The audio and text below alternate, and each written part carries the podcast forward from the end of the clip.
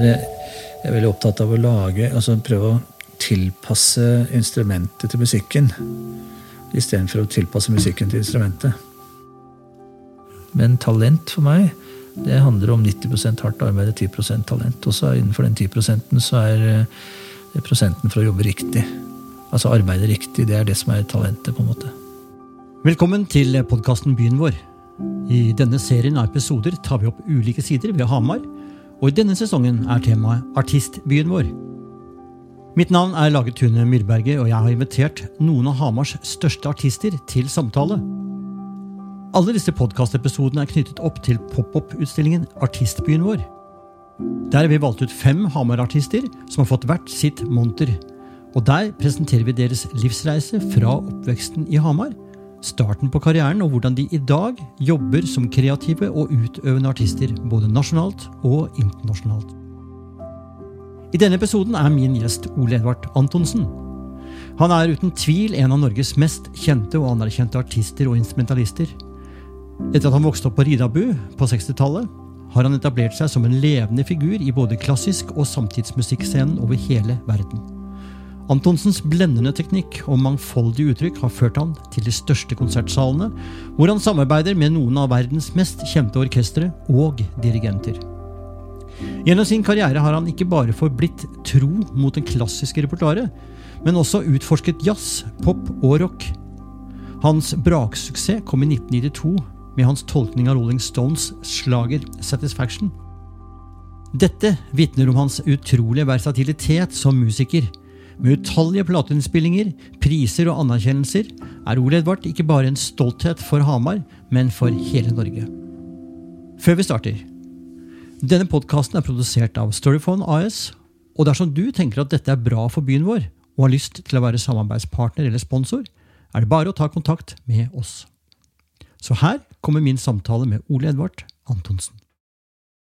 Velkommen til byen vår og podkastserien i forbindelse med de konsertene vi har i Kulturhuset. Hovedgjest denne gangen er artist Ole Edvard Antonsen. Og vi har eh, dratt studioet med oss inn til Oslo, opp i Holmenkollåsen. Voksenåsen er kanskje her? Ja, Voksenkollen. Ja. Voksenkollen, ja. Så her sitter vi da i øvingshuset til Ole Edvard på den svære tomta med naturutsikt utover Oslofjorden. Takk for invitasjonen hit. Veldig hyggelig at du kom. Ja. Og jeg gleder meg stort til eh, å være med på byen vår på Hamar. Det var én ting jeg har lyst til å spørre om, for det er en opplevelse som jeg hørte du hadde hatt. Eh, låta 'Nanna' ja. med Finn Eriksen. Ja. Som du framførte som solist. Og på Triolen i 1969. Det har jeg bilde av. Eh, har du bilde av det? Nei, Ikke, ikke av selve opptredenen, men eh, i forkant. Fattern står, og jeg står og spiller eh, kornett, for jeg hadde ikke lange nok armer til trompeten. Ehm, det var jo Na-Na, B-sida på singelen 'Lappland' av Finn Eriksen. Ja. Ehm, og jeg spilte den med danseorkesteret til fatter'n på triolen. Jeg tror det var 700-800 mennesker i Hamarhallen. Ja. Ehm, og det jeg kanskje husker best fra den opplevelsen, var vel at mora mi hadde glemt å ta på meg bukseseler. ja. Så jeg sto vel med buksene sånn halvveis ned på knærne, tror jeg, når det var ferdig. Stilig. Var du borte i Hamarhallen? Det var i Hamarhallen, ja. ja. Den, den er fortsatt der? Den der. ja, den er, der hadde jeg mange fine opplevelser. Både konsertopplevelser, men sparka på HamKam. Ja. Og da, da, hadde vi jo innetrening der. Ja, det hadde dere selvfølgelig. Mm. Ja, Briskebyen. Mm. Ja, håper å si, Hvor langt kunne du tatt det med fotball, tror du? Ja, hypotetisk spørsmål. Ja, nei, jeg, var, jeg, var, jo til og med førsteåret junior. Mm. Eh, og jeg var lagkaptein og toppskårer det året.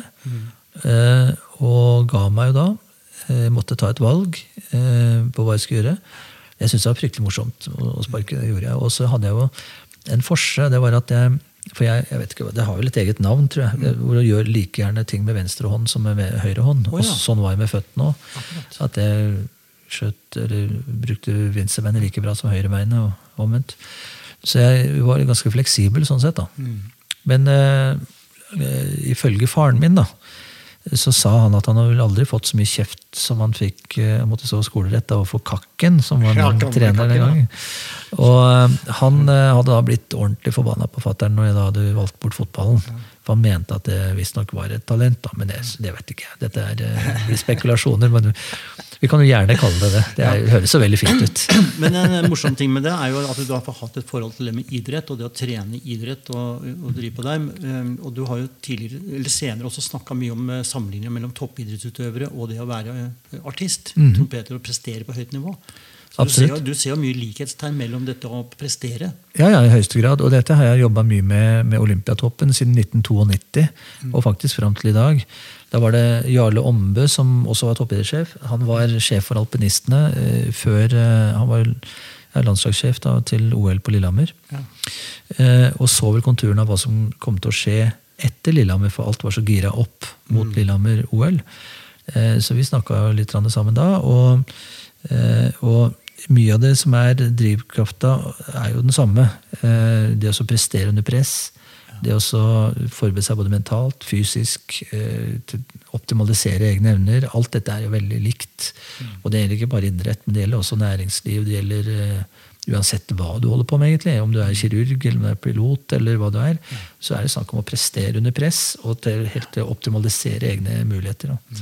Så, så jeg har vært veldig opptatt av det. og i tillegg så har du det fysiske perspektivet i det å spille trompet, som er det er muskulært. Du får melkesyra i leppa som du får i beina når du er løper. Så, så det med å trene utholdenhet, spenst, hurtighet, alle de tingene der, det, det er veldig likt. Det er som et markløft.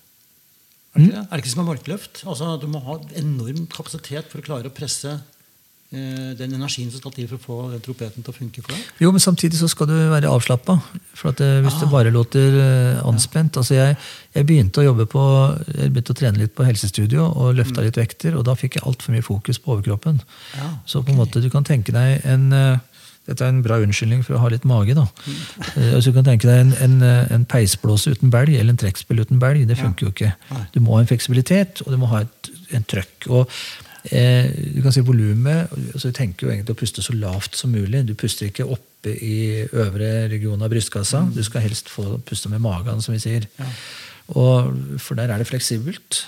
Så det å ha litt mage å, å trykke fram med. Eh, og samtidig så er i bukmuskulatur og det å spille en veldig høy, sterk tone, det tilsvarer 150 kg i markløft. Eller i For du har eh, da i, i bukmuskulatur, da.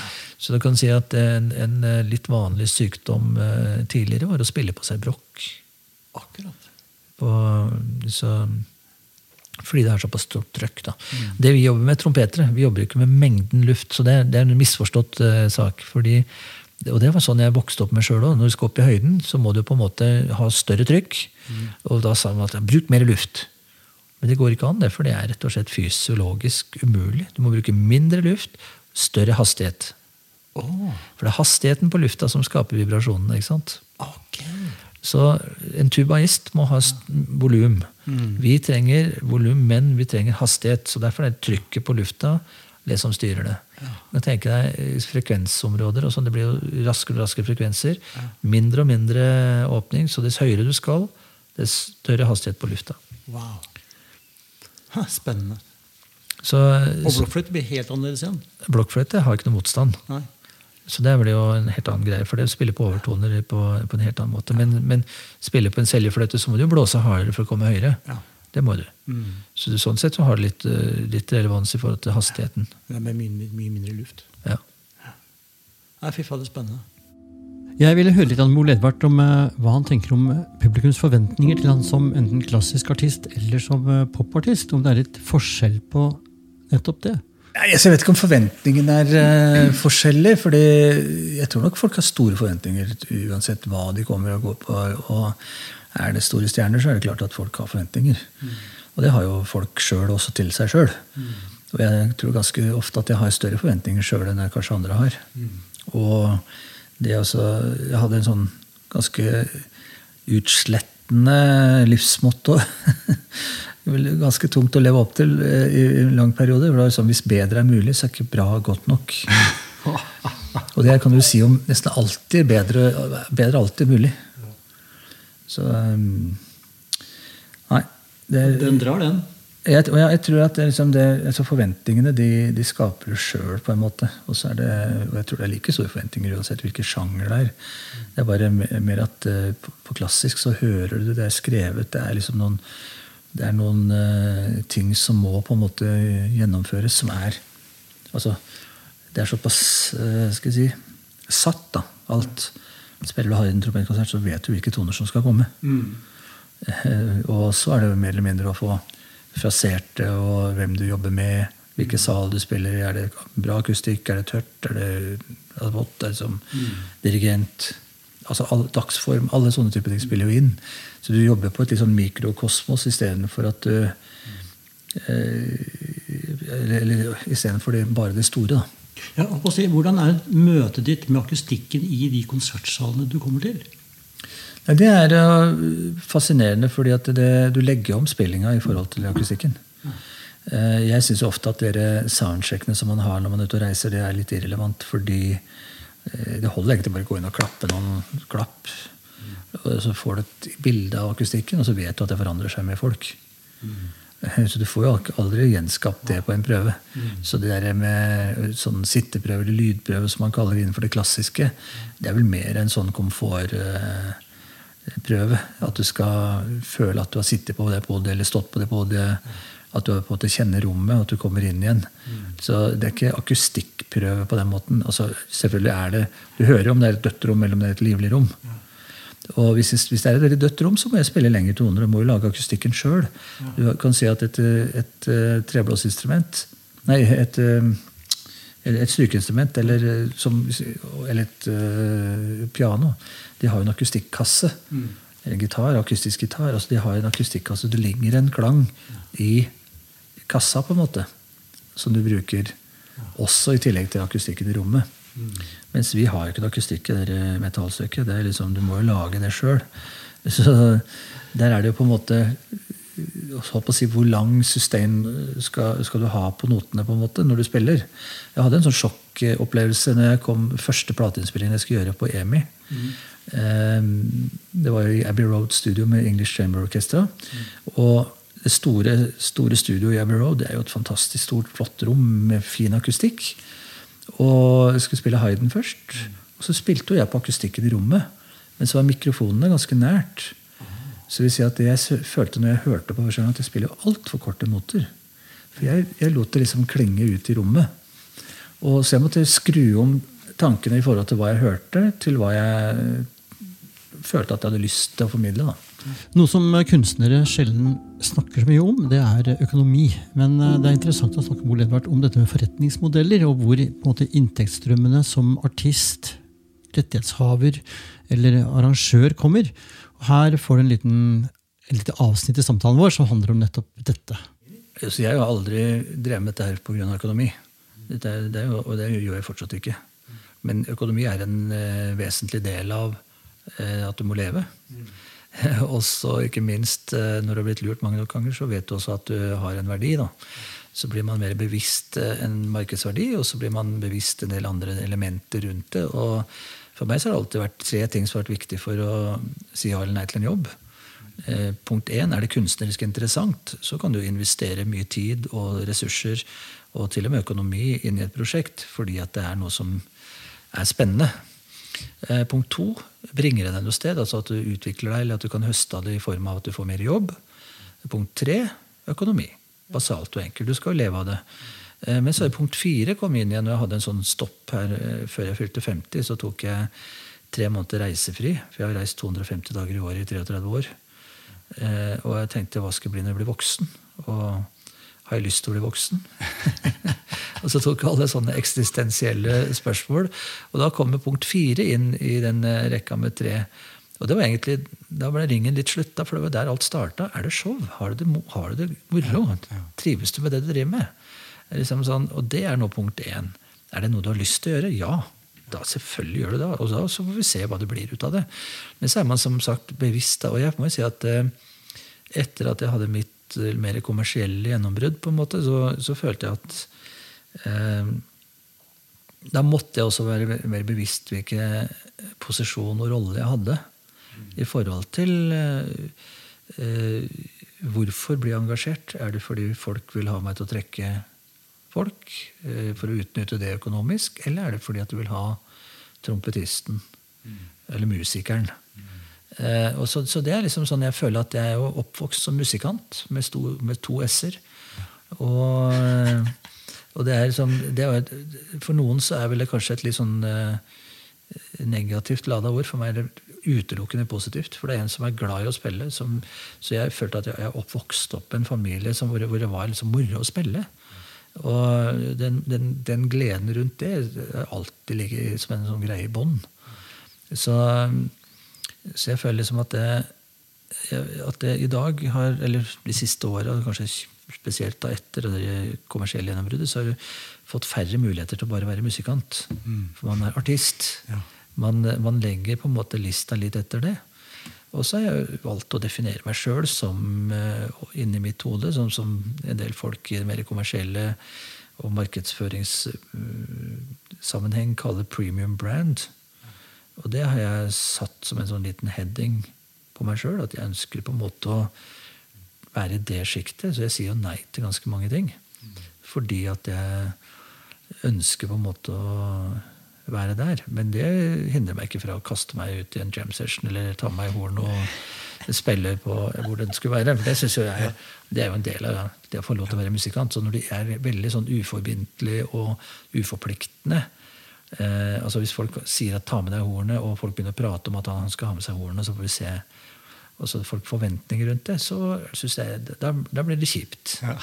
Men det å bare kjenne at nei, fy søren, nå koker det, nå har jeg lyst til å være med og spille. Ja, Få lov til å være musikanten. Ja. ja. Så det, jeg føler som at den eh, Og det ligger jo litt i hele det bildet som du snakker om. da. Men så tilbake til spørsmålet. Det var en lang omvei til med økonomi.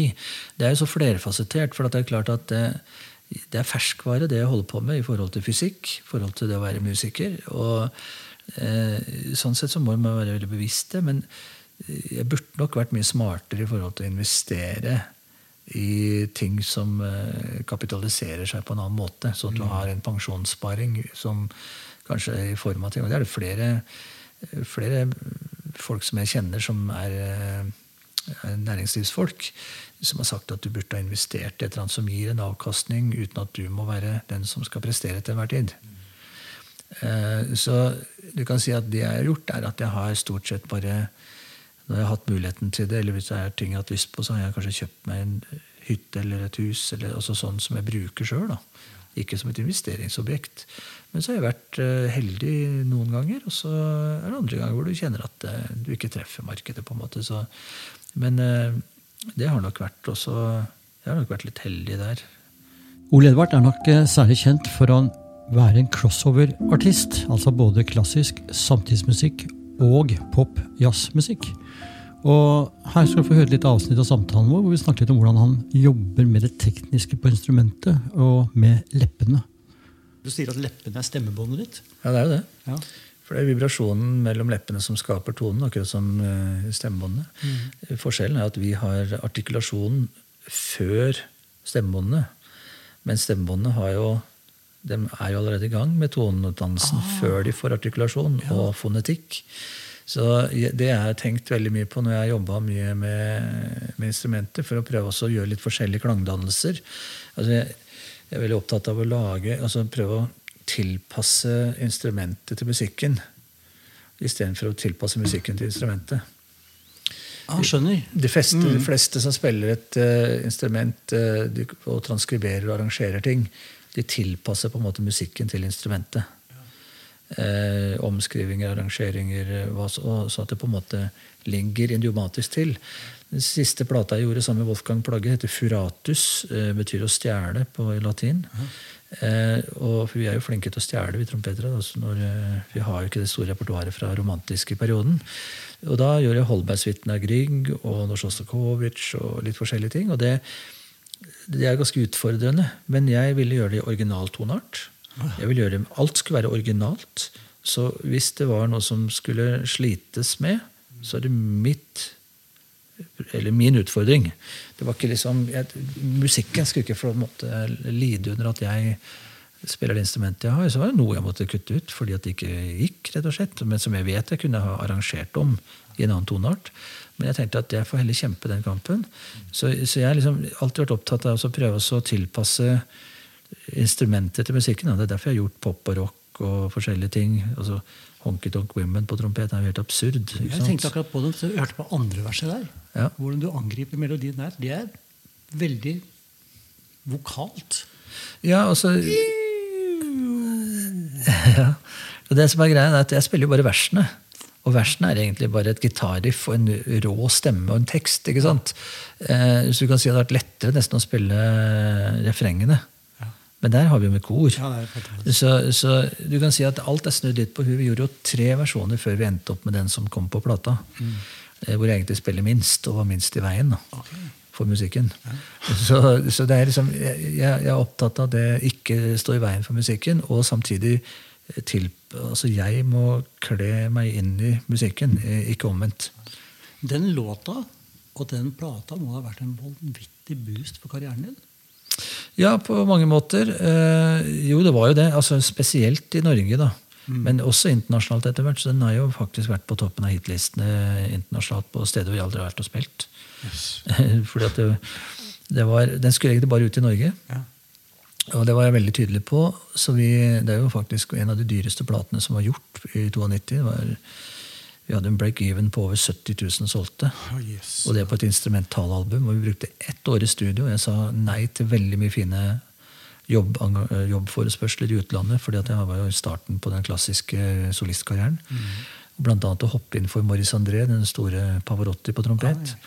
Eh, Men da satt jeg og spilte rock og eksperimenterte i et studio i Trondheim, i Fossegrenda. Sammen med en annen hammersing, Rune Nordahl. Nemlig, Eh, og Bjørn Nesje. Eh, så du kan si at eh, eh, ja, vi, vi, vi lekte mye med, med uttrykk og prøvde å altså, Den klassiske stive trompettonen passa jo overhodet ikke. Og jeg, jeg føler at jeg vokste opp som en crossover-musiker lenge før det var noe som het det. Eh, men jeg var engstelig for at dette her skulle ødelegge for den klassiske karrieren. Så jeg fikk jo tilbud om å gjøre en eh, kommersiell plate eh, lenge før. Men det takka jeg nei til før jeg hadde fått gjort noe litt smalere trompetplater. så når den eh, traff eh, markedet her, så, traff, så ble det jo Den havna på toppen av VG-lista og var jo kåra til årets uh, artist i Dagbladet. og det var, uh, ja, jeg fikk jo Spellemannsprisen og sånn også. Så det var, som, det var mye føss. Og den tida som var på TV da, så var det jo på en måte en hovedperson. Nå er det jo hosten som er hovedperson. Så er jo alle artister og alle gjester er jo bare en fyllmasse. For en rating for en eh, host. Så alt er snudd på huet. Men, eh, og den gangen så fikk du som instrumentalist også faktisk spilletid og tid på TV, men det får du ikke i dag. Vi er jo faktisk forhåndssensurert. Vi, vi blir jo ikke spilt på radioen.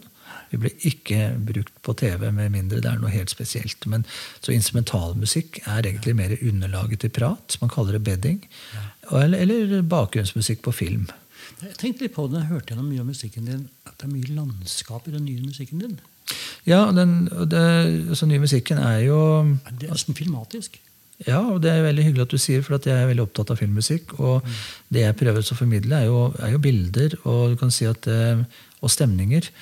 Eh, I og med at jeg ikke har ord, eh, og så må jeg prøve å skape stemninger. Og jeg eh, ja, Noen har jo beskrevet musikken som eh, musikken til en film som ikke er lagd ennå. Og det syns jeg er, et kjempe, kjempekompliment. Eh, Det som jeg har reflektert rundt akkurat de tingene der, er jo at eh, som jeg, som jeg ofte sier i denne forestillingen som heter 'Musikalske landskap', som jeg reiste rundt med, så sier jeg det at ordet går via intellektet, mens eh, musikken snakker direkte til sjelen. Ja. Og med det mener jeg at ord må du tolke. Og ord har flere meninger. Du, kan på en måte, du må tolke ord på en litt annen måte enn musikk. Musikk trek, treffer rett inn i hjertet eller rett inn i sjelen på en måte som berører følelser. på en helt annen måte. Så du kan si at musikken er et internasjonalt språk. Og det spiller ingen rolle. altså Det er som du snakker direkte og intuitivt gjennom musikken med folk som på en måte du ikke kommuniserer med verbalt. Og Derfor er jeg opptatt av å sette folk i en stemning hvor de egentlig kan se egne bilder. De skal ikke se mine bilder. De bør ikke se hvorfor har du skrevet den låta. Altså, jeg, jeg, noen ganger så, jeg har en låt som heter 'Reflections', som jeg bare sier at det er, at snakker om at jeg har mista noen. Ja. Eh, folk vet ikke om jeg har mista katta mi, eller om jeg har blitt uvenner med en kompis, eller om jeg har mista mora mi, eller hva det er. Det spiller ingen rolle, for de skal ikke ta inn over seg min Nei mine, min sorg, eller hva det skal være. da. Mm. Jeg vil heller at folk skal relatere til det sjøl. Altså hvis de hører på stemningen i musikken, og det treffer, mm. så kan de sjøl relatere seg til eget levd liv. Mm. Og sette egne bilder til og egne referanserammer. Ja. Det blir litt sånn som man uh, leser en bok. Ja. Så ser man en filmatisering av den boka, så stemmer det jo aldri overens. Det er fordi at det er en subjektiv uh, En subjektiv uh, holdt på å si filmatisering da, av den stemningen som ligger i boka. Og det, altså bare for å ta et eksempel, La oss si at det sto i boka at liksom, ja, så gikk jeg opp eh, Kirkebakken, og så gikk jeg ned til høyre. Eh, og da har du din egen kirke å forholde deg til. Ja. Det er liksom ikke, Og alle har forskjellige referanser. Ja. Så når du leser så ser du helt egne bilder. Og den opplevelsen vil jeg at folk skal ha når de hører musikken. Eh, fordi at Jeg vil ikke at folk skal se mine bilder, men se egne bilder. Det vil si at de får en subjektiv, egen opplevelse der og da, uh, ut ifra de stemningene som vi prøver å skape på scenen. Mm. Og Hvis du får til det, så får du et rom fullt av publikum som på en måte er i musikken på en helt mm. annen måte. Og så kan du skape opplevelser på andre premisser òg. Ja, uh, du kan jobbe mer med konseptet og det store bildet. Eh, bruker du f.eks. video? Eh, jobber du med lyssetting på opplevelsene? konsertene dine? Ja, absolutt. Eh, video er jeg litt forsiktig med. fordi jeg føler at video, det, da får du det visuelle. Da setter du, ja. da setter du bilder. Ja. Mens du, hvis du ikke setter bilder Det skal ikke være din video. Det skal være publikum selv. Ja, men samtidig, noen ganger så, altså, så, noen ganger så bruker jeg, bruker jeg kanskje den Vidda-videoen som jeg. Som jeg har. Som, som, på en måte med jagerfly, og, og, det var min drøm som gikk i oppfyllelse. på en måte. Mm. Eh, den, eh, men i dag så er jeg jo litt forsiktig. og Jeg spilte den faktisk i går. Og vi diskuterte litt i forkant fordi at eh, det var egentlig meningen eh, at jeg skulle spille den for et, for et stort firma da, eh, på Nasjonalmuseet. Mm. Og jeg skulle gjøre den med backtracks og video. Eh, gjøre et par andre ting også før som skulle lede opp til vidda. Eh, og da fant vi ut at den er kanskje litt sånn på kanten i disse dager med jagerfly og i, med det bakteppet som er i Europa i dag. Så mm. da valgte vi egentlig bare å se bort fra videoen, og så lagde jeg noen, fikk jeg noe til å lage noen lysskisser av eh, litt mer nordlys og litt andre typer stemninger. Da.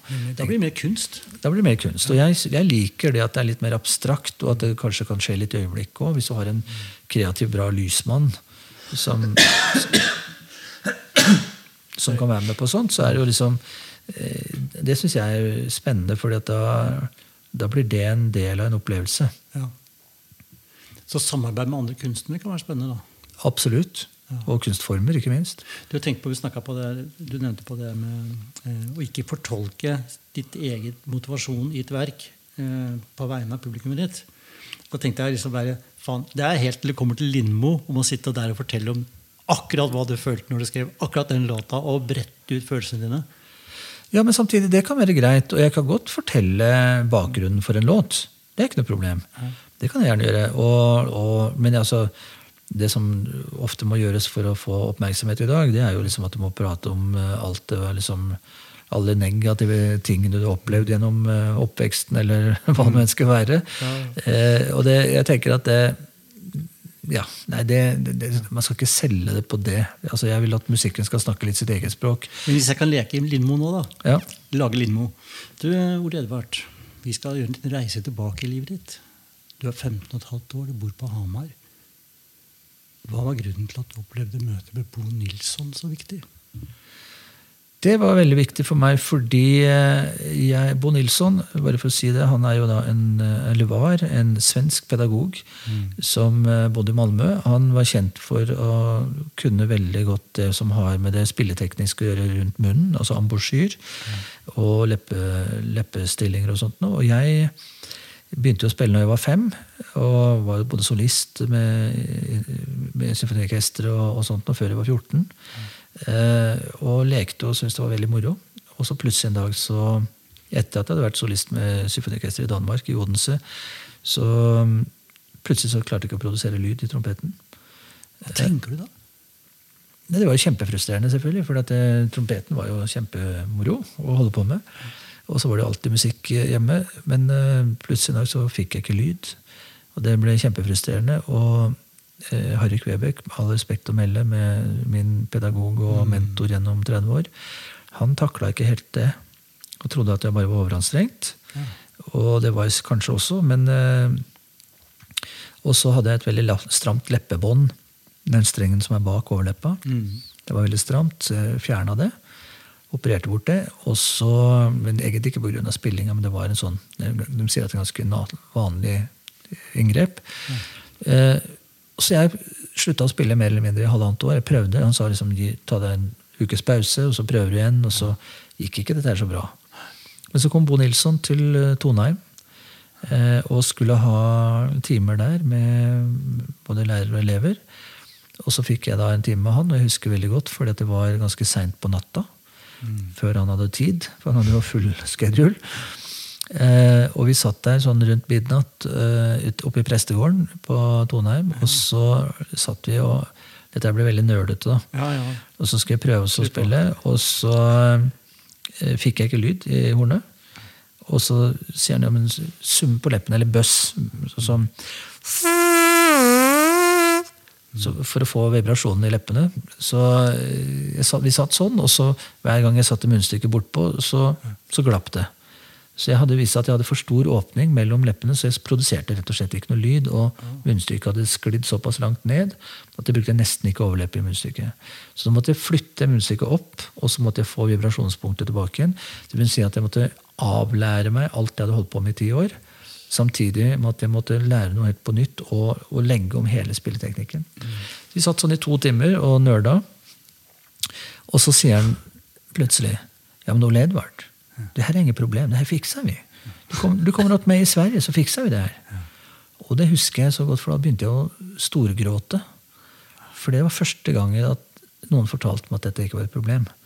Alle rundt meg hadde snakka om at han hadde fått leppeproblemer og problemer i ett og et halvt år.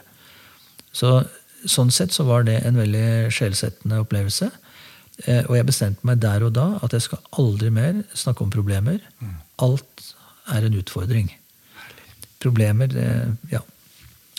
Så jeg reiste ned til han og tok time med han. Og satt vi åtte timer hver dag og øvde sånn bare for å få ting på plass. Det tok noen år, da. Mye muskulatur som måtte jobbes opp igjen på nytt. Ja, altså Du måtte legge om alt, fysikken. altså Du måtte lære å gå på nytt. Er det kombinert med at du vokser og blir større? At det skjer noe muskulært? Antageligvis kan det være at det var noe akkurat rundt eh, puberteten. Men eh, det var ikke bare det. altså Jeg, jeg vet at jeg munnstykket sklei ned. Og, men klart at den stramme leppebånd og sånt også gjorde vel kanskje sitt. Mm. Men du nevnte Harry Kvebekk. Mm. Han var jo veldig viktig for deg. Ja. Kan du fortelle litt om hva som var virkelig påvirka deg med det, måten Harry tilnærma seg deg og musikk? Og, Altså, Harry var jo en eh, altså, skal jeg si eh, Jeg vil definere han som den store professoren. eh, Gode kollegaen. Eh, onkel. Eh, samtalepartner. Mentor. Eh, kollega. Altså, han var, fylte veldig mange funksjoner. Og vi Altså De som kjenner, kjente Harry, de vet jo at han uh, prata mye. Og du kan si, på alle de timene som jeg har hatt eh, med han fra jeg var ti år og ja, til, jeg, til i voksen alder, altså til han gikk bort, så hadde vi jo mye samtaler og hadde litt timer innimellom. Så gikk jo veldig mye av det på Han, han snakka vel 70-80% av tida og demonstrerte, så fikk du spilt kanskje 20% Så du måtte på en måte akseptere litt og prøve å klare å prosessere det som han ville formidle. Og han var en veldig dyp eh, filosof. Han var jo kristen. Eh, han hadde veldig mange tanker. Så vi snakka mye om livet, snakka mye om eh, filosofi, snakka mye om alt mulig rart. Samtidig med at han hadde en guttunge, stor guttunge inni seg som lekte mye. Og så vi var liksom, det, var så, det var så mange ting da, som gjorde at det, musikken dreide seg om helt andre ting enn det å spille trompet. Det var liksom, men, musik, men for meg så er jo trompeten et tilfeldig valgt instrument for å drive med musikk. i utgangspunktet. Og så får jeg kjempe så godt jeg kan for å prøve å få det instrumentet til å låte. Eh, men så sånn sett så kan jeg si at han, han påvirka meg i veldig stor grad rundt eh, ja, rundt den filosofiske, mentale biten, rundt det å være musiker og, og dra masse livserfaringer inn i fortolkninger og tyngdeloven, ikke minst, hvor viktig den er for musikken, og pust. Mm. Hvordan man på en måte sånn man snakker, man fraserer. Ja. Det gir komma, utropstegn. Hadde ikke Harry også veldig mye eh, metaforer sånn i forhold til natur? Eh, glomma, tømmer? Jo, absolutt. Han var jo vokst opp som tømmerfløter. og eh, var jo sånn sett eh, han, han, fikk jo Det var jo han som dro i gang Lensemuseet på Fettsund. Ja. Som jo ble større enn eh, Skogmuseet, tror jeg. Ja, så han, han, han, vokste jo opp der i en, i en sånn familie som eller, og drev med fløting av tømmer. og mm. Han bygde jo hele sitt hus på Fettsund av synketømmer. Som han dro opp fra, fra eh, Glomma? Ja, fra Glomma og Øyeren sjøl. Ja. Mm. Du, um, vi var innom Hamar, uh, og at du fikk denne sperra i forhold til uh, ambasjøren din. Uh, men du hadde en jævla dilla som ung på Hamar, du. Ja. Du hadde veldig dilla på fly. Ja, ja, men det har jeg hatt uh, i alle år og har fortsatt. Fortell litt hvordan det starta. Altså De som kjenner meg godt, vet at jeg er mer enn middels interessert i fly. Og kanskje til og med bør tegne meg som en planespotter. ok, såpass. Ja, for det er sånn at jeg, Du ser bare rundt her på øvingsrommet. Du kan se bak der. Så har du en F-35 og en F-16 i modeller i kompositt. og Dette fikk jeg fra Lockheed Martin, flyfabrikken. Mm. dette er, eh, og det er de samme størrelsene som står på forsvarsministerens kontor. Ja, så jeg fikk sendt en sånn pakke etter at jeg var og spilte på rollout-seremonien til de første F-35-maskinene på Fort Worth i Texas i 2015 eller 2016. Ja. Nei, altså Flydilla har jeg hatt siden jeg var liten guttunge. Så jeg jobba jo på Staffsberg og var mye på Staffsberg eh, flyplass. Ja. Og hang der og var med, fikk være med ute og fly mye. og Der tjente jeg faktisk pengene til min første pikkolotrompet. Okay. Fordi at. Eh, jeg var en sånn ordentlig pain in the ass som fløy rundt oppå der og krevde landingsavgift til alle fly som ikke hørte hjemme der.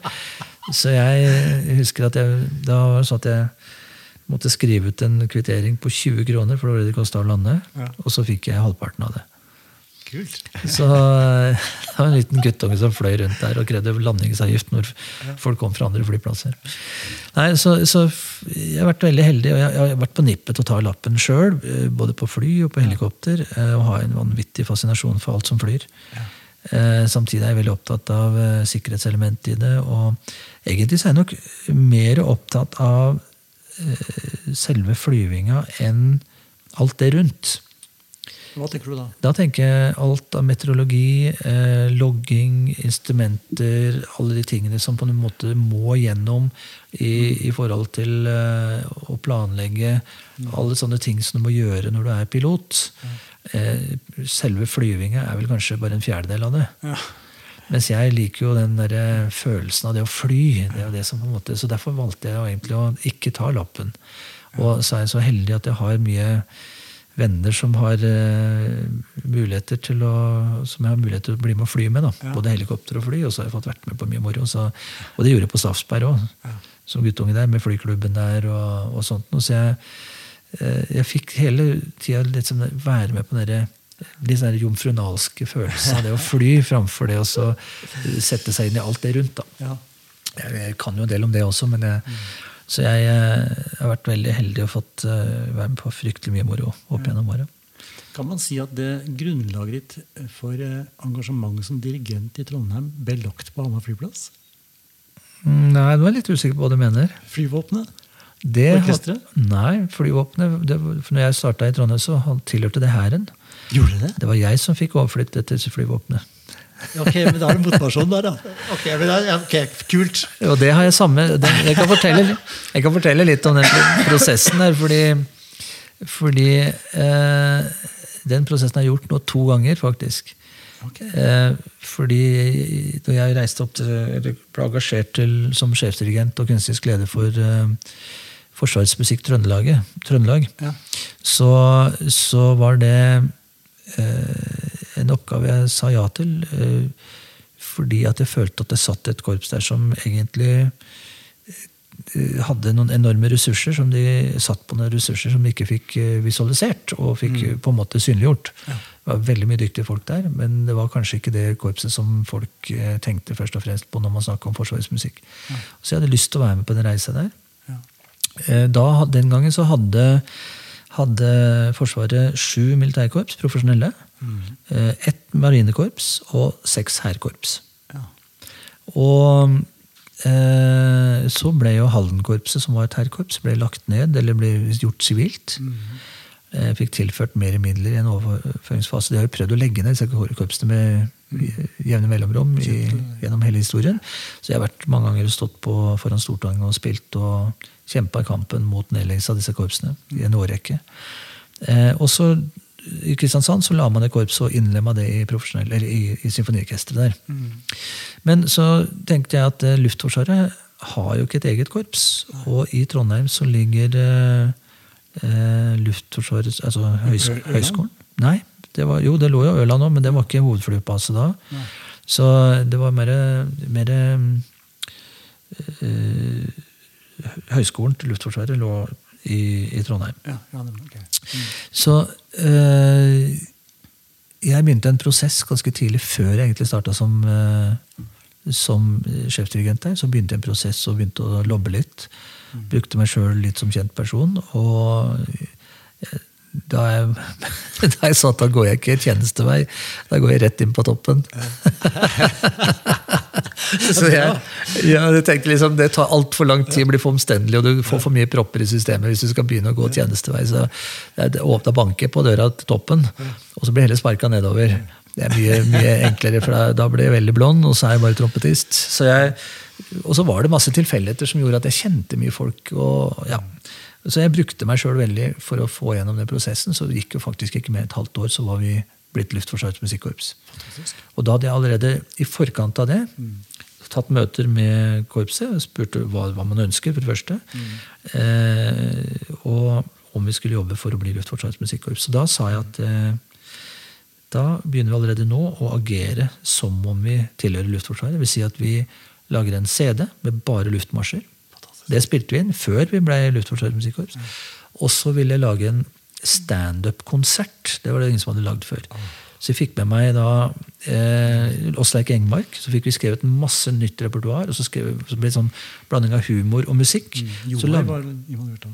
Joar Rørmark var inne ja, og skrev masse som, med som Åsleik. Mm. så dette var det egentlig jeg som satte i gang. Mm.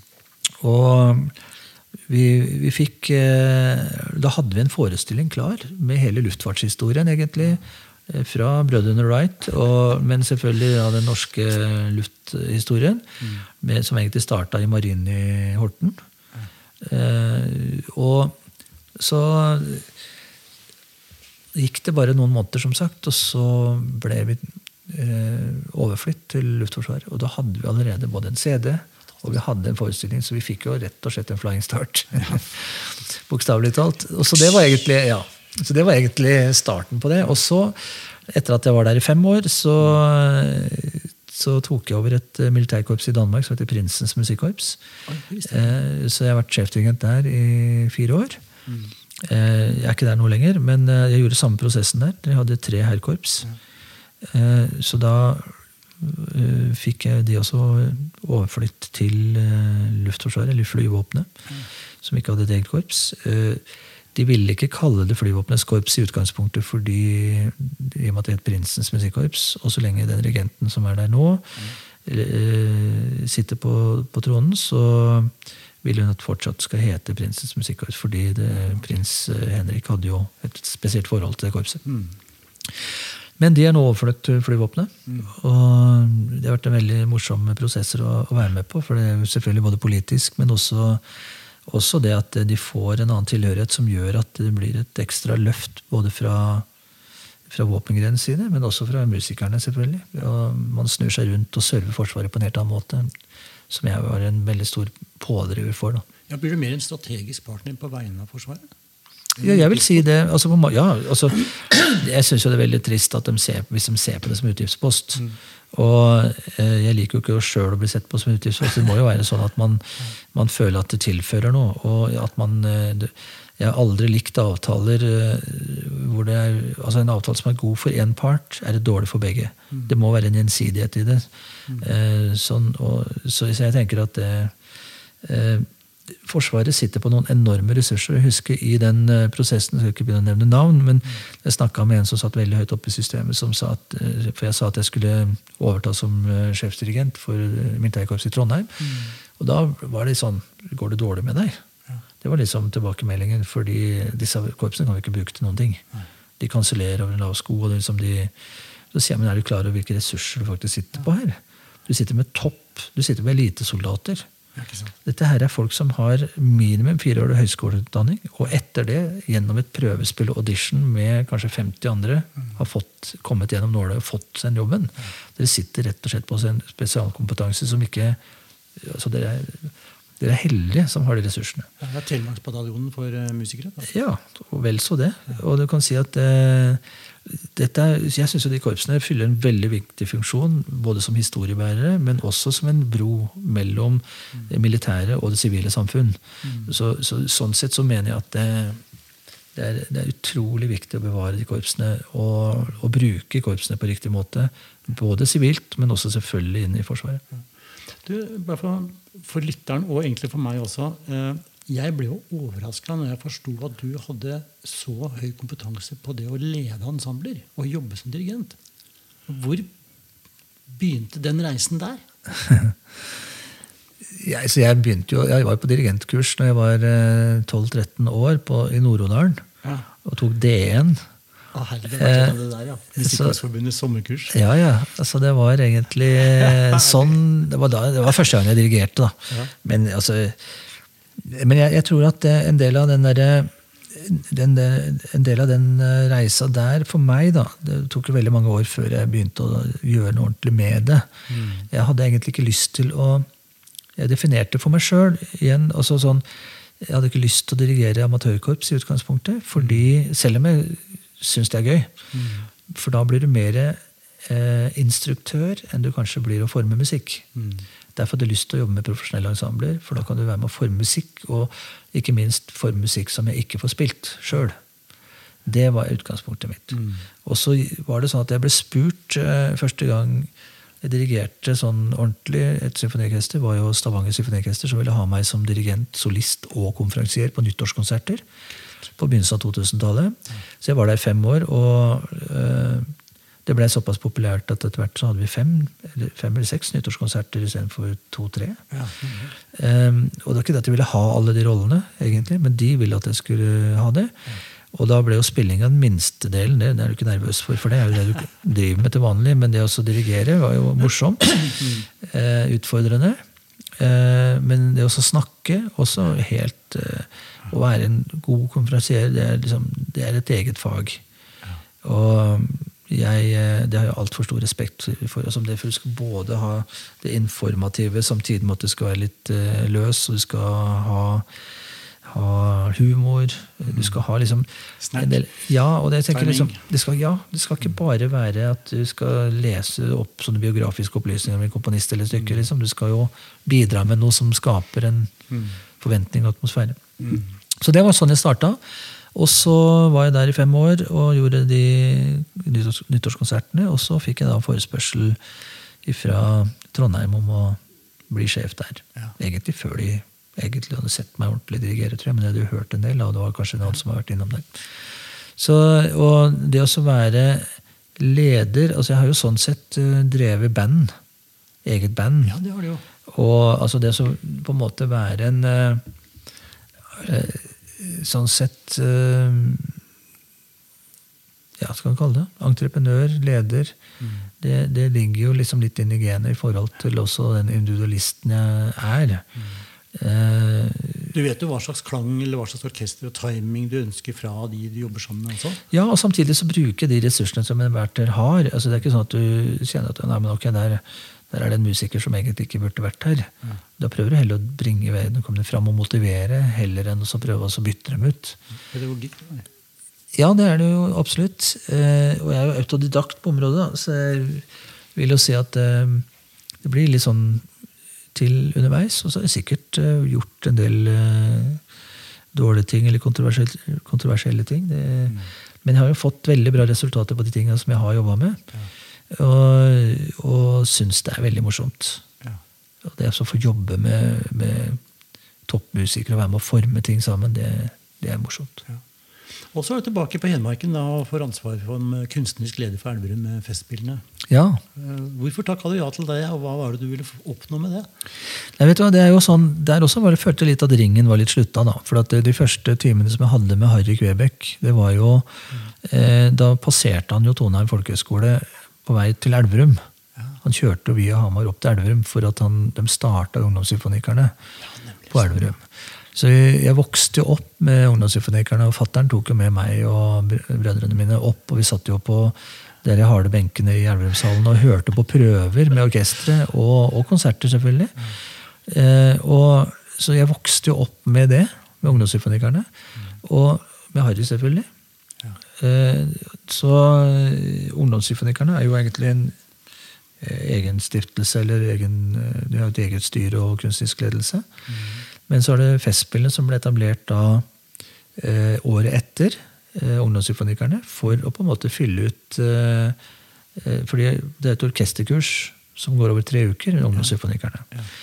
Og jeg, Første gangen jeg var solist eh, med dem, det var jo 1976. Det var jo året, samme året som jeg fikk leppetrøbbel. Du var ikke, nei, du var ikke gammel da? Nei. 14. Mm. Og Jens Petter var akkurat fylt 13, tror jeg. Så så det begynte jo som et orkesterkurs. og da vil jeg si at De hadde tre konserter. De hadde en åpningskonsert, et, og så var det et prosjekt inn mot en populær konsert, og så hadde de et prosjekt da inn mot en avslutningskonsert. Og Det ble jo en del dager imellom, så det de ville var at de skulle fylle det med innhold. Og Derfor etablerte de da eh, Festspillene. Så Festspillene er jo en egen stiftelse og drives eh, med eget styr og, og daglig leder. Mm. Eh, det har vært veldig mye flinke kunstneriske ledere der opp gjennom åra. Vært Havekvartetten, Håvard Gimse, mm. Lev, uh, Geir Inge Lotsberg. Så det også, når jeg ble spurt om å, å ta over der, så syns jeg det var en veldig utfordrende, spennende jobb. Og følte at jeg hadde litt lyst til å bringe litt andre ting inn i definisjonen kammermusikk. Mm. Og ikke minst ja, i og med at det eh, veldig mye av det man tenker på som kammermusikk, er jo gjerne strykekvartett, klaver og sang. Ja. Eh, og da, så jeg prøver å bringe inn litt andre nye ting. Eh, I tillegg til at vi selvfølgelig skal ta vare på det også, og de tradisjonene. Mm. Så det har vært en veldig spennende jobb, syns jeg. Jeg har vært der nå i sju år. Det er vel åttende året nå. Vi har 50-årsjubileum eh, i 2024. Så det er en, eh, en, stor festival og mye ansvar og mye jobb. Mm. Ja. Og så har den blitt veldig spredt. Den har, geografisk. Ja, den er jo egentlig alltid vært ganske spredt. Ja. De har, eh, det har jo liksom vært eh, Man bruker jo Hamar, man bruker Stange, mm. Ringsaker Fjelltopper. Stupetårn. Stupetårn. Gårder. Ja, gård, storgårder. Det er veldig spennende. Så, så, vi, så, vi, dekker jo egentlig seks-sju kommuner i utgangspunktet, før det var kommunesammenslåing og sånn. Så, øh, men det heter jo Festspillene i Elverum. Det er jo Elverum som er basen. Ja. selvfølgelig. Så, er det på en måte blitt litt eh, prega av en crossover-tenking? Det må du gjerne si. Eh, Espen Lind? Ja, altså, de har alltid gjort uh, sånne ting. De, altså, de har, alltid gjort, har de alltid gjort det? Ja?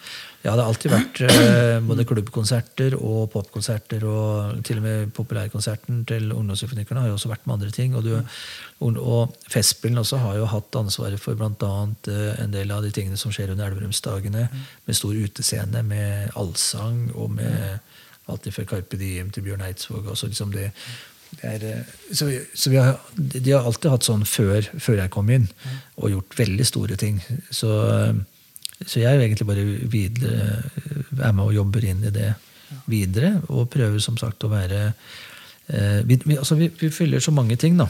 Men, eh, så, så, men, men, når det gjelder crossover-tenking, så eh, Crossover er jo på mange måter eh, blitt litt det nye klassiske.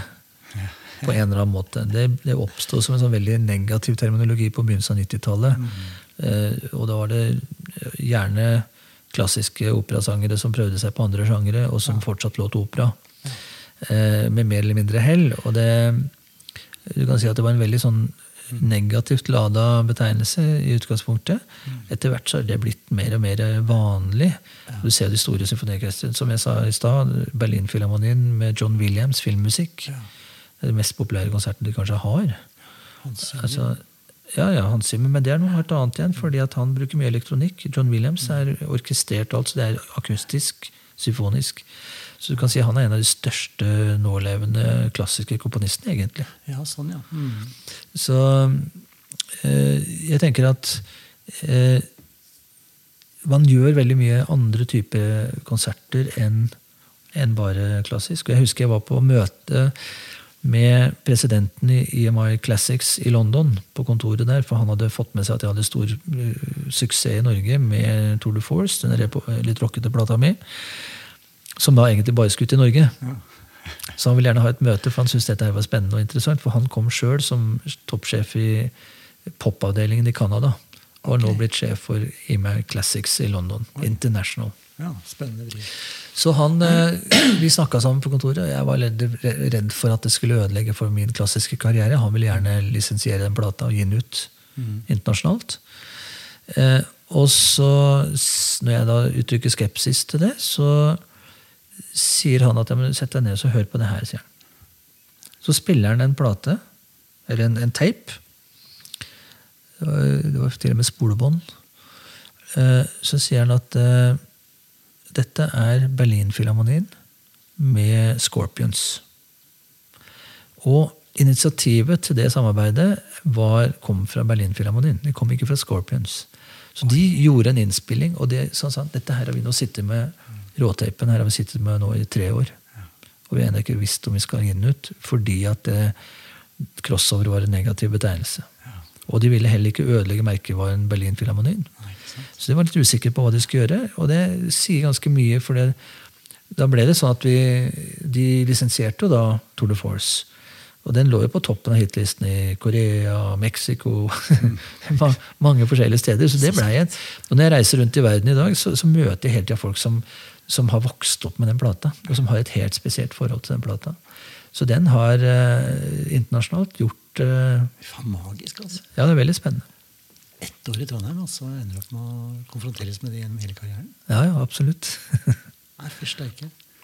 Du, um, det er mange temaer jeg har lyst til å ta opp med deg og snakke med deg om. Uh, men uh, bare for liksom å holde seg litt til en innledning, vi snakke om det med næringstilnærming.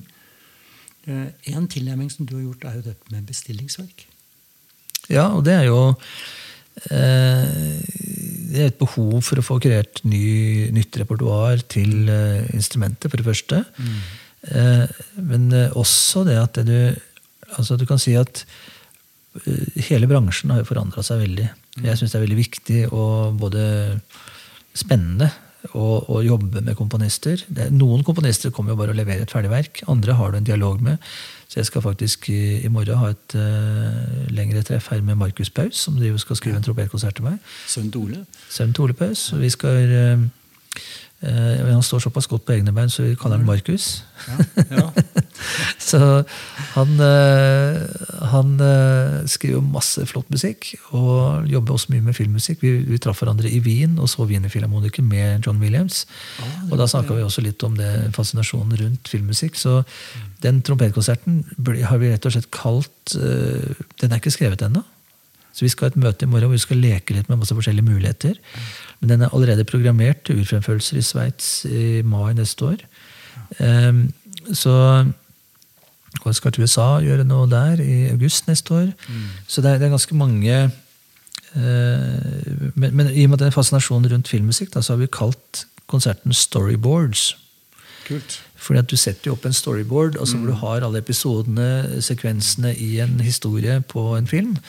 Eh, på, et stort, eh, på et stort tavle. Mm. Og så skriver man musikk når man skriver filmmusikk, så skriver man jo til de ulike episodene og overganger. og sånt. Og så, så det, er en del, det er et utgangspunkt. Eh, og ja, vi har masse spennende ideer rundt det. Så, men det, tilbake til det med å, skri, å, få skrevet ny musikk. Det er for det første veldig fascinerende og veldig spennende. Eh, med, fått jobbe med mange spennende komponister. Eh, Penderecki skulle egentlig, Kristoff Penderecki, store polske komponisten, skulle egentlig skrive en trompetkonsert med meg. og Så gikk det flere år. Jeg hadde møte med ham både her og der i utlandet. men eh, det, varte og rakk, og så plutselig så fikk jeg en melding fra den tyske agenten min som sier at uh, Eh, Penderecki lurer på om du vil være med å spille. Han inviterer deg som solist med Stuttgart-filharmonien og Berlin Radiosymfoniorkester. Og han vil at du skal spille Hayden trompetkonsert. Jeg tenkte Hayden trompetkonsert med han. Ja, så, han, så viste det at han hadde skrevet uh, nye kadanser oh. til den. Så han hadde skrevet tre ganske omfattende store kadanser som var, som var veldig flotte, som jeg har brukt en del uh, seinere. Så det var det som det kom ut av det. Men seinere har han skrevet en tropekonsert til en en kollega fra Ungarn. Så det ble en tropekonsert etter hvert. Men, men, det å få skrevet nye ting For det første så er det jo sånn at uh, du får altså, Jeg syns at repertoar er viktigere og viktigere. At du har et eget repertoar. Mm. Eh, fordi at jeg har sett en dreining i hele musikkbransjen gjennom 90-åra og inn i, på begynnelsen av 2000 mm. om at det hang veldig tett sammen, musikkbransjen sammen med platebransjen. på mange måter. De bygde profiler. Mm. Når jeg var så heldig å få, få, engasjement med, eller få kontrakt med EMI Classics International i London Unnskyld. Så eh, var det ensbetydende med worldwide marketing. Ja. Fordi det er jo sånn at EMI har egne kontorer i Norge, rundt omkring. Eh, I England også. Du har EMI Classics UK. Mm. Men det er lokalt. Det er bare England. Ja. Så hvis jeg hadde blitt signa opp til f.eks. EMI Norge, ja. så hadde det blitt gitt ut i Norge, og så hadde de prøvd å få den gitt ut i andre land. Men så har du en paraply over det, som heter International. Mm. Og det plateselskapet kan si at dere skal gi den ut, dere skal gi den ut, dere skal bruke sånn som ressurser. Så de ønska å bygge profiler. Eh, på en helt annen måte enn man gjør i dag. Og de, de, som var med kanskje og slo litt beina under det, var jo Naxos når de kom ja, på banen. Ja. Som da egentlig solgte repertoar. Og de tenker at hvorfor skal du betale 190 kroner for å få Beethovens femte med et orkester på en platesjappe, når du kan selge den for 20 kroner på supermarkedet? Det var sånn det begynte. Og da solgte man egentlig repertoar mer enn fortolkninger mm. og interpretasjon. Kvalitet er ikke Nei, ikke i utgangspunktet. Det begynte jo som en sånn uh, billig greie, hvor de brukte en del uh, østeuropeiske rimeligere orkestre, mm. som absolutt er bra kvalitet. Uh, men sånn begynte det, og så etter hvert så er det da blitt sånn at de er ikke så opptatt av profiler lenger heller. Altså det, selvfølgelig er man det, man skal jo selge, selge billetter og sånn, men man er mer opptatt av repertoar da, ja. i mye større grad. Så sånn sett så er det å skaffe seg sitt eget repertoar. skaffe seg så det, det er liksom blitt viktigere og viktigere de siste 20 åra for meg. Det er derfor jeg også har begynt å skrive egen musikk. Fordi at eh, da er det på en måte, er det den de skal ha, så er det meg de skal ha. Mm, eh, og så er det litt sånn, du føler sånt, en egen eh, Du føler mer nærhet til det du gjør, da. Ja. Jeg vil tippe det føles godt å fremføre vidda. Veldig. Og folk lurer på om jeg er blitt lei den. Det, det blir jeg ikke. Nei. Og det er fordi at jeg legger noe nytt i det hver gang. Altså jeg, og jeg motiverer meg. Jeg skal alltid levere mitt beste uansett mm. hvem jeg spiller for, og hvor jeg spiller. Ja. Det er en sånn iboende ja, drive. Ole Edvard, du er godt voksen, erfart utrolig mye som eh, artist og musiker og entreprenør. Eh, forretningsutvikler har du egentlig gjort, også med karriereutviklinga di også. Eh, branding, plassering av deg sjøl. Hvis du liksom ser tilbake, hvis du møter en ung fyr på 14 år med flydilla og fantastiske lepper og en nydelig klang, hva ville du sagt til han som du gjerne skulle ha visst sjøl den gangen? Um, nei, altså jeg ville, jeg ville, jo selvfølgelig um, fått vedkommende til å beholde leken, nysgjerrigheten. Mm. Det er jo drivkrafta. Altså, det er som jeg tenker at Alt begynner med lek og moro. Men når det ikke er moro lenger, da er det disiplin som slår inn. Mm. Da må du være disiplinert, og så må du bare gjøre jobben. Og så må du sørge for det. Og så kommer du før eller seinere ut, eh, og at det blir moro igjen. Mm. Og så jeg prøver å sammenligne det ofte med gaming. Du kan tenke deg at du er på en plattform og så i, et, i en verden, og så på en måte begynner du å butte, og så kjenner du at det, du vil opp på en ny level. Mm. Men så butter det litt, og så kan det ta noen dager, det kan ta noen uker. Mm. Måneder, hva vet jeg. Så, og så plutselig så åpner det seg opp, så, så blir det moro igjen. Mm. Da er det på en ny level. Så er det nye muligheter, en ny verden. Ja. Og sånn er utviklingen hele veien, føler jeg. Så, det, eh, så jeg er veldig opptatt av at disiplin er eh, en viktig del av det å bli god. Ja. Men at man skal beholde leken og nysgjerrigheten. Og gjerne kopiere folk eh, sånn i utgangspunktet. Det er jo gjerne sånn det begynner. Mm. Du hører noen som du syns er spennende og, og, bra, og så sånn vil jeg låte. Ja. Eh, men jeg syns det er moro både å undervise og, og, og coache. Jeg har jo vært heldig og fått undervist mye rundt omkring og så treffe mye spennende, eh, dyktige folk. Så, men det å være, også motivere, motivasjon, er, det er også en drivkraft hele veien her. da. Mm. Du må være motivert, du må på en måte ha et, en retning på det du holder på med. Og du ser etter hvert om dette er en, en person som uh, er selvgående. Eller om man må fòres med ting hele tiden, eller hvor motivasjonen kommer fra. Og det som, det som, er komplisert i dag mot det som var tidligere, det er at det er så mye annet som skjer på sosiale medier og med internett og alt sånt noe. Så, mm. eh, så er spørsmålet hva er drivkraften? Er det å bli kjent? Eller er det å bli en flink musiker? Eller er det å tjene penger? Altså, hva er motivasjonen? Mm. Eh, for meg så har det alltid vært motivasjon å bli så god som jeg kan. Jeg har aldri konkurrert med noen andre, selv om jeg har spilt i konkurranser. Så blir jeg fascinert av å høre på andre som er gode. Altså, jeg har alltid konkurrert med meg sjøl. For jeg, Den eneste jeg kan få gjort noe med, er meg. Alle andre får ikke gjort noe med. Og, liksom, og, da må det være en drivkraft. Og jeg tenker at eh, Det var akkurat nå i forrige uke. Eh, fire dager i Italia sammen med Sergej Nakarjakov, som er en fantastisk trompeter. Eh, kanskje en av de store, største på den klassiske scenen i, i verden nå. Som i alder av 45-46 år. Mm. Også sånn vidunderbarn fra liten. Vi hadde den på Festspillene i Elverum i år. Ja. Helt fantastisk. Og vi er jo på en eller annen måte eh, både kolleger og litt konkurrenter, uten at vi er konkurrenter. Vi er liksom, jeg syns bare det er morsomt. Altså, jeg synes det er fantastisk å få høre sånne. Også vi, vi nerda sammen i, på en trompetfabrikk nede i Italia i fire dager. Ja, kult. Ja, Kjempegøy. for det var liksom sånn, Bare for å lære litt bedre å kjenne. og Jeg blir inspirert. Jeg kjenner at det inspirerer meg. og jeg tror han også er inspirert av, de tinga som jeg gjør. som liksom Man har en sånn gjensidig respekt for hverandre. Men eh, tilbake til den ungdommen, så tenker jeg det er veldig viktig at den har riktig drivkraft. Og jeg, når jeg underviser, så er jeg veldig opptatt av at jeg kan ikke lære deg å spille trompet. Men jeg kan gi deg tips om hvordan du kan lære å spille trompet. For jobben må du gjøre sjøl. Du må bli din egen lærer. Den jobben må du stå og gjøre på øvingsrommet ditt. Da står ikke alltid en lærer over deg. Men jeg kan gi deg tips, og jeg kan godt uh, korrigere og, og, tipse og være motivator og alt sånt noe. Men det å ha den der imoende driven Du ser på en måte ofte Noen, noen kan være slitere og kommer ut uh, seinere. Mm. Uh, så det er, ikke, det er, ikke, nødvendigvis de som er veldig lett for å spille, som er de største talentene. Det kan være at de har et fysisk uh, fortrinn. Ja. Men talent for meg det handler om 90 hardt arbeid og 10% talent. Også innenfor den 10 så er prosenten for å jobbe riktig. Altså arbeide riktig. Det er det som er talentet. på en måte. Nemlig. Eh, altså, ja, håndverket. Virkelig finne løsningen på hva er håndverket for å bli god. Ja, altså, som, ja rett og slett finne mulighetene. Mm. Mm. Gode tips. Gode tanker. Eh, hva vil du gi deg eh, jo, Nå skal jeg ta en liten historie, Ole Edvard. Ja. Eh, en gang så satt vi på en eh, pub i Hamar. Jeg tror det var etter en konsert med orkesteret til faren din. Og så, og så, sa du en greie til meg. Du sa at det er viktig å ha en plan. sa Du Du må ha en plan for hva du skal gjøre. Gjerne sette opp en femårsplan. Dette kommer til å overraske deg. laget.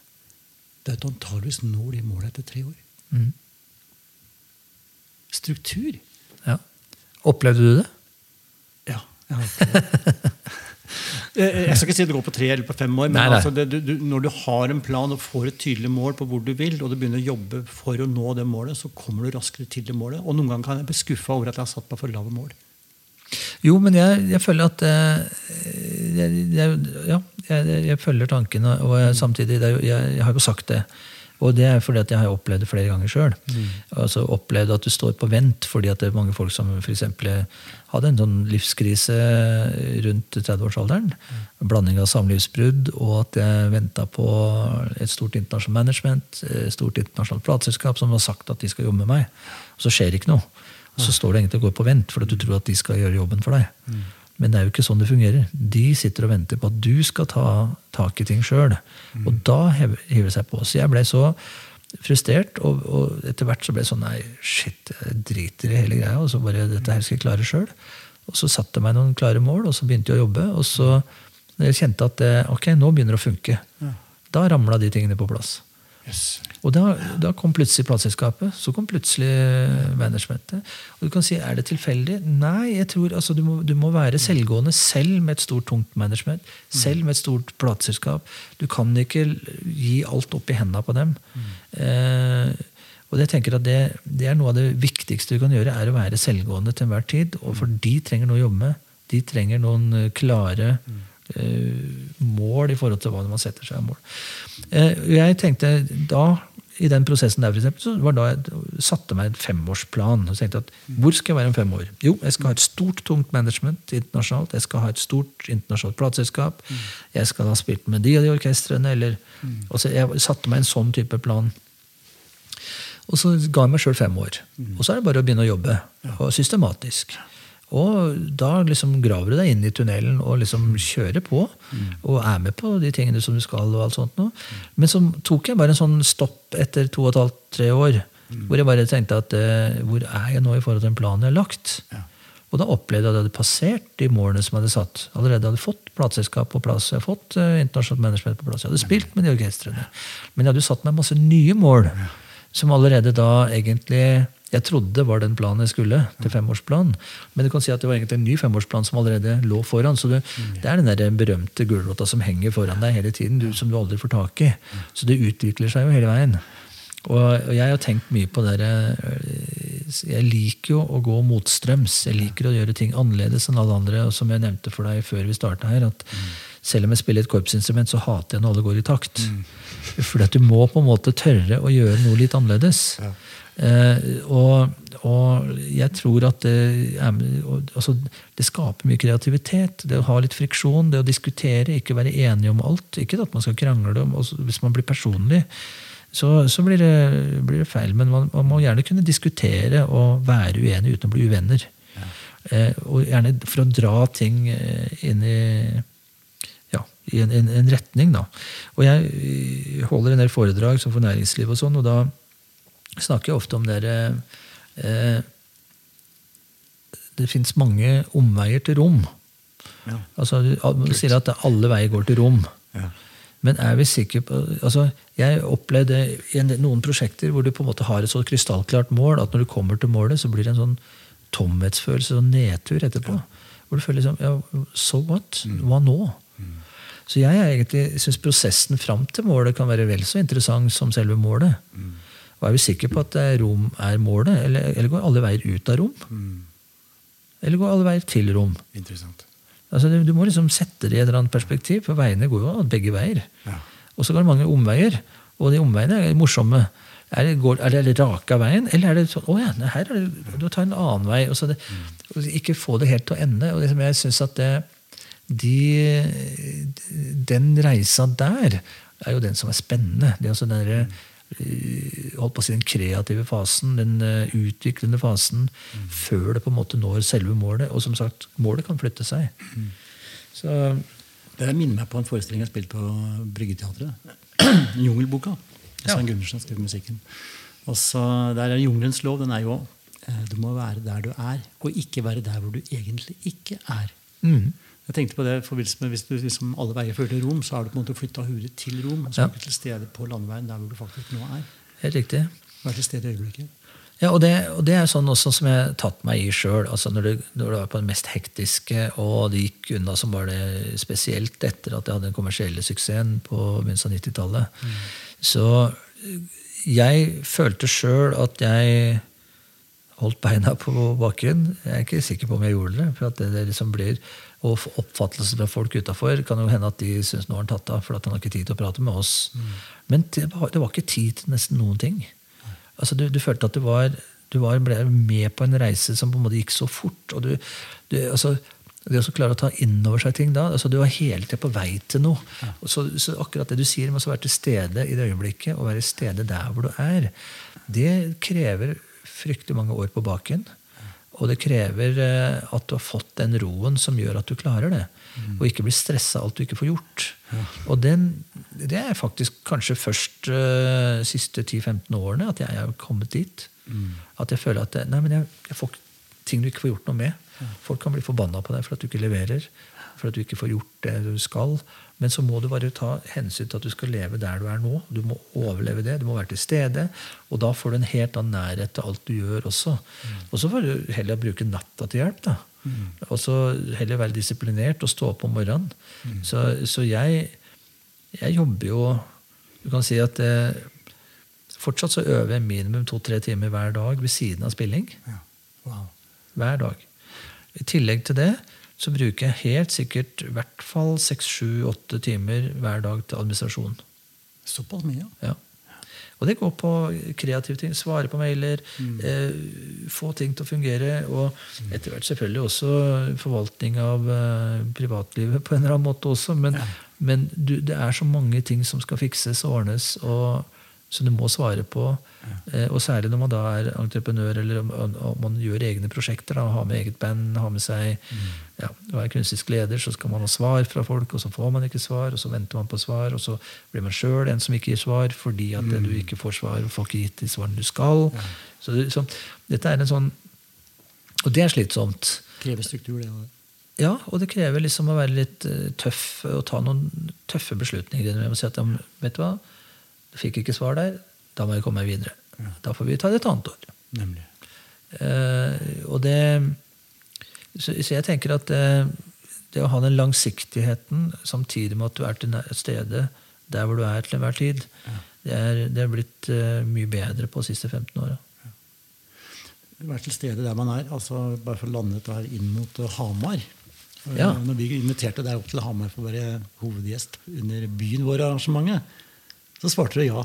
Ja, jeg gleder meg til det. Ja, og så ble vi så overraska, kan vi spørre Ole Edvard da, liksom, har han tid til dette her? Altså, det setter vi så utrolig pris på at du vil komme hjem, hjem til Hamar og være gjest på et sånt arrangement. Og så skal vi lage denne utstillingen da, hvor vi blant annet skal profilere deg som artistlivet ditt med denne og ting. Men hva slags relasjon er det du har til byen Hamar og hjemstedet ditt og oppveksten der? Du har et kjempegodt forhold til, til, til, Hamar. Både oppveksten og den dag i dag, syns jeg sjøl. Mm. Selv om det Nå bor jo Tom Erik bor jo på Hamar. Ja, altså Eldstebroderen har flytta hjem igjen. Eh, men ellers så har vi jo ikke noe annen slekt eh, stort sett på Hamar. da, Eller vi har vel sikkert noe perifer slekt, men, men eh, besteforeldre og foreldre er jo ikke der lenger. Så, sånn sett så er det jo Men jeg må si at jeg jeg har et kjempegodt og nært forhold til Hamar i hjertet mitt. Altså Jeg må si at det, det Jeg brenner jo for Hamar. Ja. Det gjør jeg. Altså, navnet ditt på et rom på Kulturhuset? jeg vet hva, Det er stas. Det er utrolig. Jeg føler meg som så jeg, og jeg er stolt. Ja. Virkelig. Altså, wow. Er veldig gøy å få deg oppover der, eh, Ole Edvard. Virkelig. Du, jeg tror rett og slett bare skal runde av den praten. Det har vært fantastisk å bare skravle i vei. Jeg har 100 flere spørsmål, men da hadde vi sittet her til eh, middag. Ja. men det, det, skal vi komme tilbake til ved en annen anledning. Ja, Jeg prater bare på inn- og utpust, så får bare ha meg unnskyldt. Ja, herlig. Nei, men Tusen takk for eh, praten. Like måte. Og så ses vi på Hamar. Ja, takk skal du ha. Mitt navn er Lagetune Myrberget, og takk for at du har hørt denne episoden av Byen vår. Og en spesiell takk til Ole Edvard Antonsen for å dele sin historie. Episoden er produsert av Storyphone, og du kan høre flere episoder der du lytter på podkaster. Dersom du tenker at dette er et spennende tilbud for byen vår Hamar, så kan du ta kontakt og bli med som samarbeidspartner og sponsor. Vi høres i neste episode.